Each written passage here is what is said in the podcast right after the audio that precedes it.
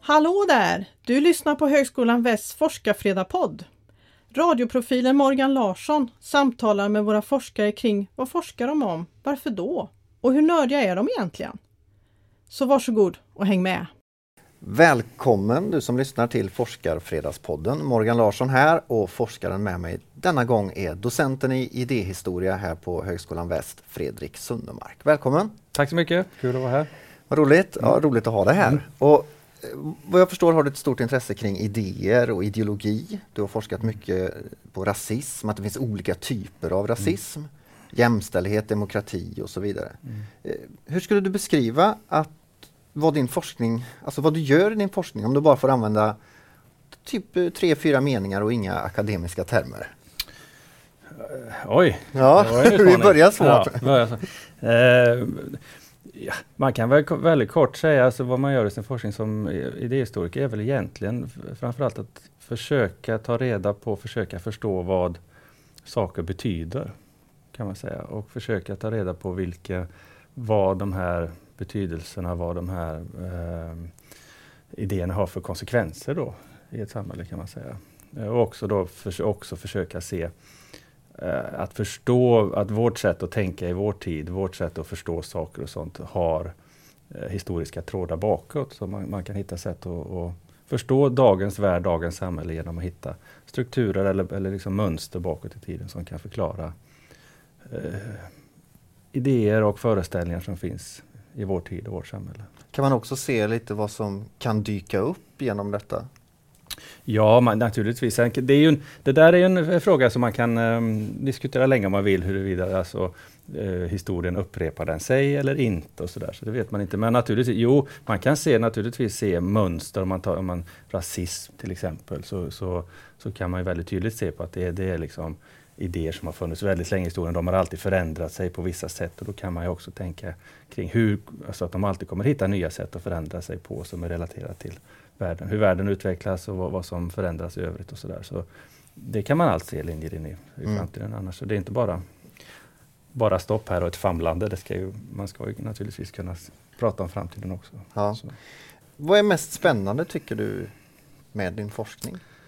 Eh, jag tycker mest spännande, det är lite olika saker som är, som är mest spännande. Men, uh, uh, framförallt är, är det det där att man får möjligheten att visa saker, avslöja saker om man så vill. Alltså att, att kunna, att kunna liksom hitta saker som att ja men det här är ju egentligen det här. Bakom den här ytan så finns egentligen det här. Så det är väl någon, någon sån drivkraft. Något som är väldigt spännande det är, det är det här avslöjandets mekanismer eller försöka liksom visa på att, att eh, kunna visa på det, alltså kunna liksom visa på att det finns någonting annat bakom det här, eller det finns de här idéerna i det här och så vidare. Så det är avslöjande tycker jag, om man, man ska det låter lite pompöst, men något, Nej, men något åt det hållet. Dra bort slöjorna? Ja, lite så. Visa mm. på vad som finns bakom ytan. Och sådär, mm. jag. Eh, men, men, jag tänker, det, rent konkret så är det, får, du, får du resa mycket? Jag vet du har forskat ja. på saker i USA ja. och sådär. Har du varit på plats då på andra ja, universitet? Jag har varit på plats då. Eh, USA höll jag på med för många år sedan när jag höll på med min avhandling en gång i tiden. Och, och då var jag mycket i USA under långa perioder. Uh, och satt där i arkiv och var på olika universitet och, och sådär. Så det, uh, och arkiv pratar om, jag blir en sån så att jag blir lite rädd när jag hör mm, ordet arkiv. Jo. Men när du sa arkiv, ja man kan titta i arkiv. Är det sådär att du kan känna, åh gud, kan jag få bara komma in i det där arkivet? Ja, det är, det är väldigt spännande. Alltså, om man har, du, du vet om man har, har en sån här man har en fråga, man undrar någonting, man är liksom nyfiken på någonting. Och, och, så vet man att där inne, där i det huset där, så finns det massa liksom svar. Va? finns det, så det liknar ju detektivens arbete. Så, där. så att det, det, där, är, där finns en väldig lust i det. Och så där, göra så. så det, är inte, det kan ju framstå möjligen som, alltså, ska jag behöva leta i ett arkiv? Men det är, det är eh, på samma sätt som man skulle tycka väldigt spännande om man fick veta att jag, det finns massa svar på frågor om min egen släkthistoria i ett arkiv. Då skulle man ju vara omedelbart intresserad och vilja hitta. Sådär. Nu är det så när man håller på med en fråga, man håller på med någon eh, figur eller en idé man är intresserad av, så vet man att här inne finns det massa ledtrådar, finns det massa sätt som man kan liksom bygga upp en förståelse av det här på. Så då blir det det är spännande. Det kan kännas som ett kalas. Ja, lite grann. Ja, ja. lite grann. Det här är ju en sak som intresserar många, mm. de här frågorna som du diskuterar. Idéer, rasism och sådär. Men mm. vad var det som du tror väckte ditt intresse som liten? Uh, Ja, som ung, alltså som ung, var det där kommer ifrån, ja, det, det, det fanns där, för, för mig kommer hela det här liksom intresset för den här typen av frågor och, och den här saker kommer någonstans, tror jag, man ska se tillbaka på sitt eget liv, kommer eh, från, eh, jag höll på mycket med musik och, och spela musik och lyssna mycket på musik där man där man liksom sjöng om sådana här frågor. Vad vet. var det för musik? Jag kommer ursprungligen, alltså det är en lång, det är en lång historia, men liksom ursprungligen någon slags punk från början, för mm. länge sedan. Sådär. Men vad var det då? Punken först Punken och protesten? För, för, protesten och det här uppror, alltså den delen av mm. det. Ifrågasättandet ifråga, av ifråga, Ja exakt, ifråga. och det fanns väl någonstans kom där om uh, högstadiet och man tillhörde gärna alternativa kulturer och så. Ja. Så därifrån fanns det det och det, i det i det batteriet av intressen så att säga så låg ju också det här med att läsa viss typ av litteratur, intressera sig för viss form av politik mm. och, och, sådär. Eh, och det, ur det så utkristalliserades liksom ett väldigt tidigt ett intresse för eh, texter, politiska betydelser och sådana här saker. Så det, där kommer liksom, det, det kommer från någon slags eh, ungdomsuppror faktiskt, ja, eller ja. något sådär som, som det kommer från från början. Eh, som sen ledde vidare till då att man eh, började liksom plugga den här typen av ämnen på universitetet. Och, sådär. Mm. Så det, och sen, det är ju många som ändå gör, mm. som mm. går den där vägen. Mm. Det är det protestmässiga och mm. sen så pluggar man för man blir mer intresserad. Ja. Men sen att gå från det till forskare, ja. det steget är också intressant. För det uppkommer ju inte alltid. Nej, det gör det inte. Och det, det var väl eh, alltså när jag pluggade så var dels, jag tyckte det var fantastiskt roligt sådär, eh, att plugga. Och det var under den tiden där. Vad pluggade du då? Jag, jag har pluggat uh, litteraturvetenskap, kulturvetenskap och uh, idéhistoria och lite blandat sådär.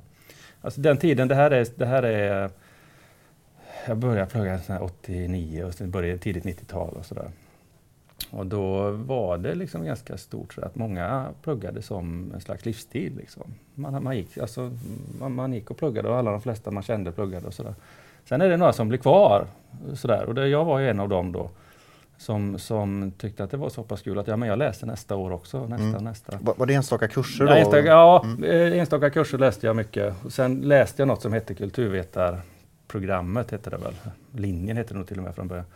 Och därifrån, eh, därför inom det ramen för det så fick man läsa olika kurser. Och sådär. Men sen när det var liksom slut på alla vanliga kurser, så att säga, man har kommit hela vägen och tagit sin examen och så, då, då, vad gör man nu då? Jag vill fortsätta med det här. Och då ansökte jag till forskarutbildning och så kom jag in. Har du kunnat se några konkreta grejer i samhället som har fått effekt av din forskning? Det kanske är svårt där, för du, när du jobbar med idéer ja. och sådär. Eh, det får man ju se i någon slags indirekt mening. Alltså, eh, det är inte så att man har tagit min forskning så kan vi bygga det här flygplanet nu. Nej. Så, men, eh, men jag hoppas väl och tror alltså att de sakerna man förmedlar, det man, det man skriver och när man är ute och, och föreläser eller pratar, och inte minst för allmänhet och sådär, att man sätter igång saker som får folk att tänka på ett nytt sätt. Alltså om man bara får, får, du vet, får någon att börja fundera lite, tänka lite, för det, det handlar ju väldigt mycket om för deltagande forskning är inte bara att säga så tänkte man förr och tänkte man förr, utan också liksom få folk att titta på sig själva. Alltså, hur resonerar du? Varför resonerar du på det här och sättet? Vad kan det vara konkret? Få för, för, förståelse för kring eh, vilka mönster som finns i rasismen till exempel. Eh, få förståelse för att, att man måste liksom även eh, se alltså, hos sig själv hur människor, alltså att vi bär på en så här hundra år, flerhundraårig västerländsk historia, gör var och en av oss. Och man mm. måste förhålla sig till själv. Eh, och de, alltså folk och självreflektion och få perspektiv, alltså eh, få folk att sätta saker i ett sammanhang. och såna saker. Det, låter, alltså det är inte som att bygga ett flygplan, men någon mening är det liksom att bygga, bygga, eh, bygga förutsättningar för att folk ska liksom ha ett annat medvetande, tänka på ett annat sätt. Kanske bestämmer vart man ska flyga det där planet? Vart man ska flyga, ja precis, ja. så är det ju. Hur, hur eh, vad, vad, kan det vara om man tar konkret för mm. eh, som strömningar som ligger bakom rasism? Jag vet att det här är en stor ja, fråga, en men skulle du kunna ta en linje eller något sånt där som Ja, det är ju, det är ju eh, Ja, det, det, det, är en svår fråga, men man, man kan säga alltså när jag talar om rasism generellt så brukar jag säga att man, grunden i rasism är att det innehåller tre delar. Liksom.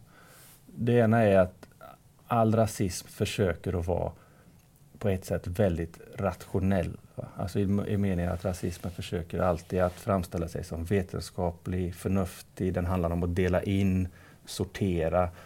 Alltså det, väldigt, det moderna i det. Så, va? Det, det är en del av rasismen. Men den samsas alltid med eh, det känslomässiga. Så, alltså rasismen bygger på väldigt här, låga undertryckta känslor. Så den kombinationen är, är väldigt så här, i all rasism, i olika former, men finns alltid i all rasism. Så man, kan, man kan se även idag, då, så finns den här dubbelheten i det. Mm.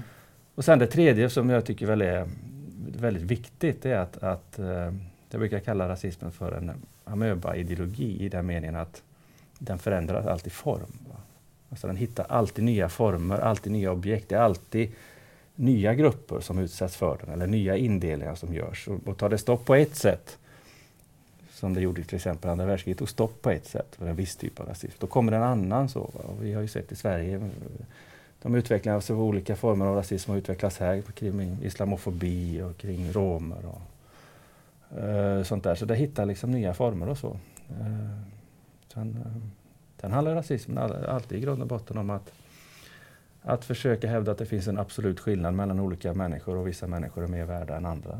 Det är grundidén. Liksom. Mm. Det är det. Eh, bor det en nörd i dig? Ja, det gör det väl i oss alla, höll jag på att säga. Det gör det väl. Men det, det, ehm, man, tänker väl, det, man tänker väl kanske forskaren som en, en, nörd, med att man får liksom fokusera på in i arkivet, in i arkivet. Gräva. Ja, i den meningen. I den eh, meningen gör det, det, gör det det. Sen vet inte jag, i andra yrken, alltså man håller på med smala saker i alla yrken i en mening, men det som gör det nördiga för oss forskare så är att vi får ju välja en, om vi då vill, så kan vi välja en pytteliten del av, av verkligheten och så kan man liksom verkligen hålla på med den och greja med den och sådär. Eh, ja, jag tolkar in det lite som att det är bra att ha den där nörddelen av sig aktiv. Och eh, finns det andra personlighetsegenskaper du tror kan vara till nytta om man säger att man är student eller någon mm. annan som lyssnar på den här podden och är lite intresserad? Eh, jag tror man, eh, för att bli forskare, alltså, eh, jag tror man behöver en, eller, det, eller bra om man har någon en slags kombination av att tål, tålamod är bra. Tålamod är nödvändigt va? för att kunna liksom göra saker över tid och sådär. Men den måste Tålamodet måste kopplas till någon slags ivrighet. Alltså nyfikenhet, ivrighet och vilja förstå saker sådär. Men, men samtidigt så måste man liksom Forskning är ju ingen som i den meningen går snabbt. Utan man måste kunna liksom dela upp det i olika delar och sådär. Så tålmodighet och, och, nyfikenhet är väl bra. Sen är det bra om man är alltså analytisk och sådana saker. Men det lär man sig väldigt mycket. Alltså det är en, alltså att bli forskare är ju ingenting man föds till, utan man utbildar sig till det. Man lär sig det yrket. Det är ju väldigt mycket ett, ett hantverk sådär. Som är det. Men man tror man måste ha um, vara tålmodig och vara nyfiken och så, och så, um, så, så, kommer man liksom, då har man liksom förutsättningar mm. på något sätt. Tror jag. Finns det någon grej när du berättar om din forskning för folk som inte är forskare, en sån som mig eller vem mm. som helst, som folk brukar haja till? Något forskningsresultat eller något perspektiv som Ja, jag, jag, tycker ofta, alltså det är ofta eh, idéhistorikerns eh, roll sådär att få folk, jaha men är det så? Är det på, på, det sättet? Nu kommer jag inte på något exempel i hastigheten men, men, men eh, eh, ofta är det så alltså att man kan visa på hur gamla, alltså hur, hur idéer, sånt som vi tar för naturligt, självklart. Va? Sånt som vi tror att så här är det, så här har det Att det är en del av naturen? Naturen, ja precis. Ja. Där, där är ju det hajande till och det som man också märker med studenter, ofta på A-nivå, så där första nivåerna. Där, där man liksom kan få, när, när världen vänds, va? när det förändras på det sättet. Kan du komma på något exempel? Det har varit så spännande att höra något. Ja, det, det, finns ju allt från, från, från, från det här liksom eh, väldigt enkla exemplen, alltså när man möter folk, när man börjar ifrågasätta med, äh, könsskillnader till exempel. Genus är ju väldigt enkelt exempel, de här första stegen från att komma till att tro att, att kön är något fast, bestämt, biologiskt och sådär, till den första liksom, inblicken i att ja, ja, det kanske inte kan, bara kan vara så, det måste vara något annat också. Det, det är den första, eller föreställningen om att eh, människor från, eh, alltså att människors etnicitet är någonting som är liksom bestämt eller som, har, som, som bestämmer människor istället för att förstå att ja, men det är också något konstruerat. Eller sådär. De här, alltså, alla, alla, man kan säga alla så kategorier.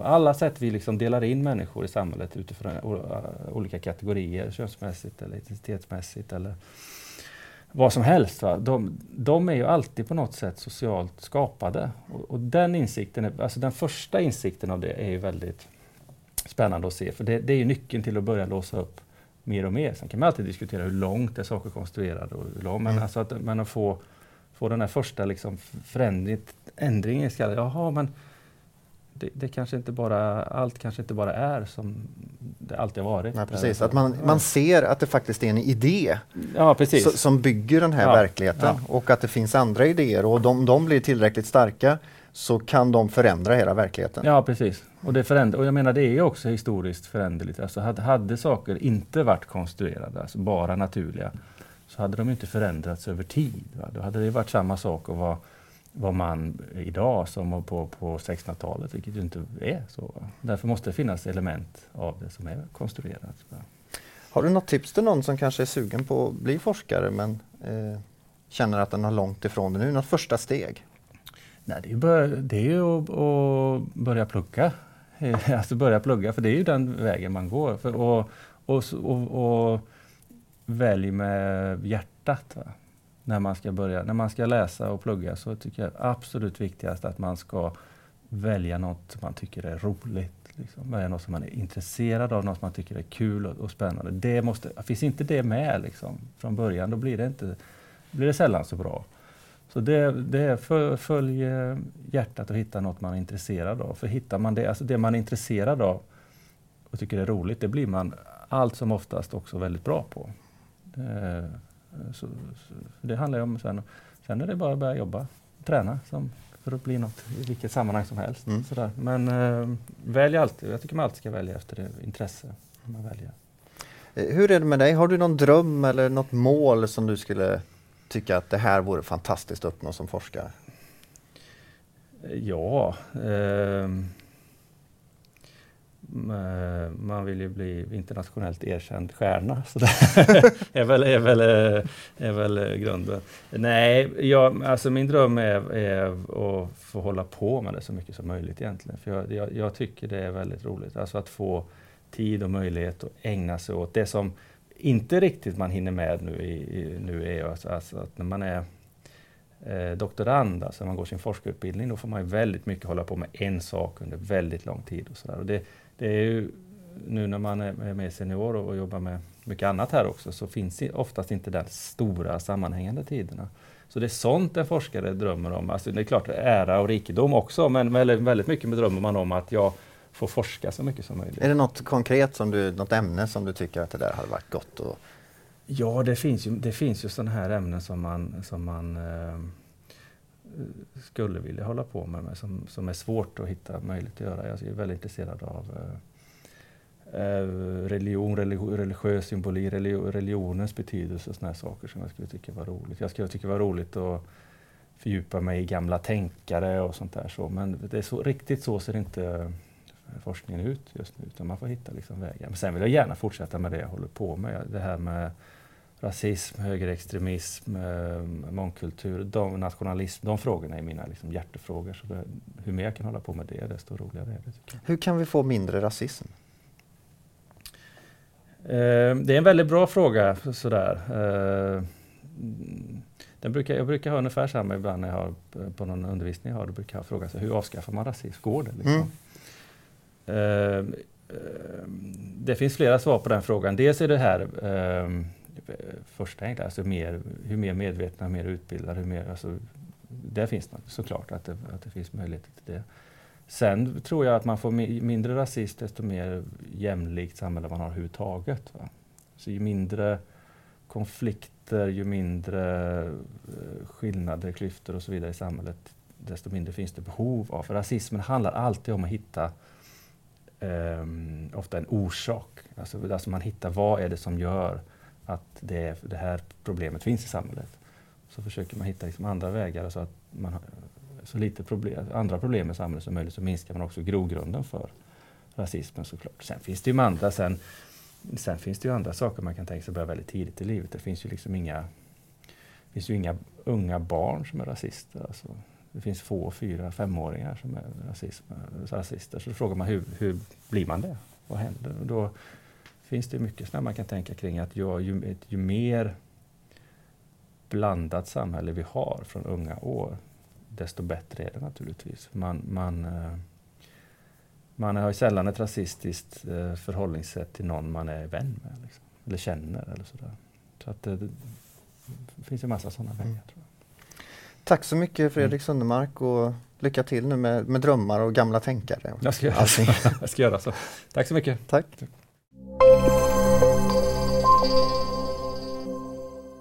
Du har nu lyssnat på Forskarfredagpodden från Högskolan Väst.